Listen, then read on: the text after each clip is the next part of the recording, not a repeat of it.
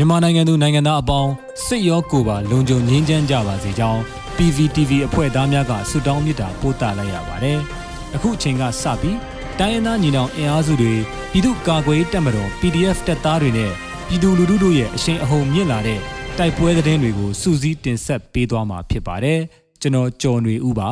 ။ပထမဆုံးအနေနဲ့ရှမ်းကရနယ်ဆက်ဖဲခုံမြို့နယ်စီမီလော့ရွာအနီးစခန်းချထားတဲ့စစ်တပ်၄နှစ်နှစ်တပ်ရင်းကို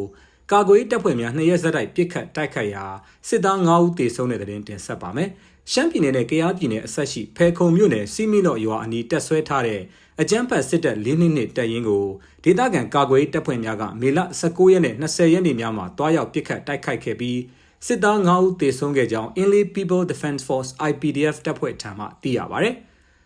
မေလ19ရက်နေ့တိုက်ပွဲဟာနနက်ပိုင်းမှာစတင်ကတနေကုန်နီးပါးပြင်းထန်ခဲ့ပြီး IPDF တပ်ဖွဲ့ကစီမီလော့ရွာအနီးမှာစခန်းချထားတဲ့လေးနှစ်နှစ်တပ်ရင်းကိုစခန်းအား location အတိအကျဖြင့် scouting လုပ်ခဲ့ပြီးစစ်မြေပြင်မှာအကြမ်းဖက်စစ်တပ်မှလက်နက်ကြီး60မမ120မမနဲ့89တို့ဖြင့်အဓိက3ကတိုက်ခိုက်ခဲ့ကကာကွယ်တပ်ဖွဲ့များကလက်နက်ကြီး60မမများဖြင့်ပြန်လည်ခုခံခဲ့ကြောင်းသိရပါဗျ။၎ င်း19ရက်နေ့တိုက်ပွဲအတွင်းအကြမ်းဖက်စစ်တပ်ဘက်မှစစ်သား9ဦးသေဆုံးပြီးထိခိုက်ဒဏ်ရာရရှိသူ3ဦးရှိခဲ့ကအင်းလေး PDF တပ်ဖွဲ့မှရဲဘော်တဦးလက်ဝဲဘက်လက်မောင်းမှလက်နက်ကြီးစမှန်ပြီးထိခိုက်ဒဏ်ရာရရှိခဲ့ကြောင်းသိရပါဗျ။မေလ20ရက်နေ့တိုက်ပွဲမှာလည်းစီမီနော့ရွာအနီးတွင်သာဖြစ်ပွားခဲ့ပြီးအကြမ်းဖက်စစ်တပ်ဘက်မှစစ်သား3ဦးထပ်မံဒဏ်ရာရရှိခဲ့တယ်လို့ဆိုပါတယ်။ လက်ရှိအချိန်ထိအဆိုပါဒေသ၌တိုက်ပွဲများဆက်လက်ဖြစ်ပွားနေပြီးဒေသခံပြည်သူများအနေဖြင့်ဘေးလွတ်ရာကိုအမြန်ဆုံးရှောင်ရှားကြဖို့ IPDF တပ်ဖွဲ့ကထုတ်ပြန်ထားတာပါ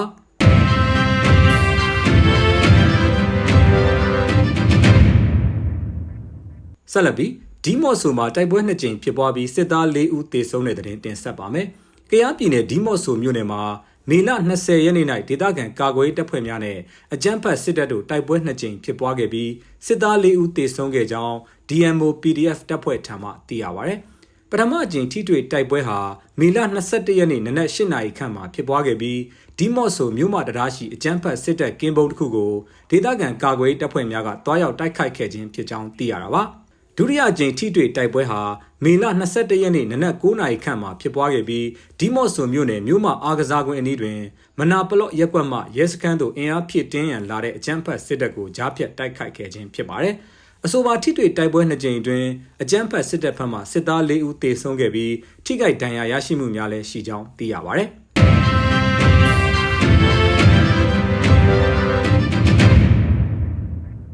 ကတာမှာအင်အား150ခန့်ပါတဲ့စစ်ကြောင်းမိုင်းဆွဲခံရပြီးစစ်သား30ခန့်ထိခိုက်နိုင်က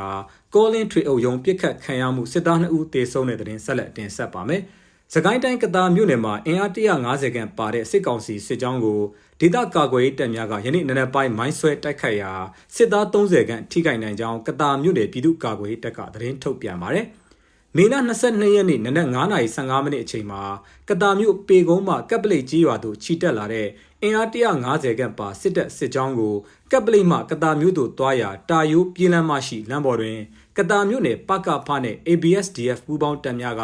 ရှေ့ထွက်မိုင်းနှလုံးဖြင့်တိုက်ခိုက်ကြောင်းစစ်ကောင်စီတပ်ဖွဲ့ဝင်30ခန့်ထိခိုက်သွားပြီးစစ်ကြောင်းမှာဆက်လက်ခြိတက်နိုင်ခြင်းမရှိတော့ဘဲရပ်တန့်နေကြောင်းသိရှိရပါတယ်။ အလားတူယမနေ့မေလ22ရက်နေ့နေ့လယ်ပိုင်းစကိုင်းတိုင်းကောလင်းမြို့ပေါ်ထွေအုပ်ရုံးမှာတက်ဆွဲထားတဲ့စစ်ကောင်စီတပ်ဖွဲ့ဝင်များကိုပြစ်ခတ်တိုက်ခိုက်မှုတရက်ဖြစ်ပွားခဲ့ပြီးအပြန်အလှန်ပြစ်ခတ်မှုဖြစ်ပွားကစစ်သား2ဦးသေဆုံးပြီးပွဲချင်းပြီးသေဆုံးသူများရှိကြောင်းယနေ့နနက်ပိုင်းမှာကောလင်းအရှိတ်ဘက်သို့စစ်ကောင်စီစစ်ကြောင်းများခြိတက်လာကြောင်းကောလင်းသတင်းရင်းမြစ်ကသတင်းထုတ်ပြန်ထားပါတယ်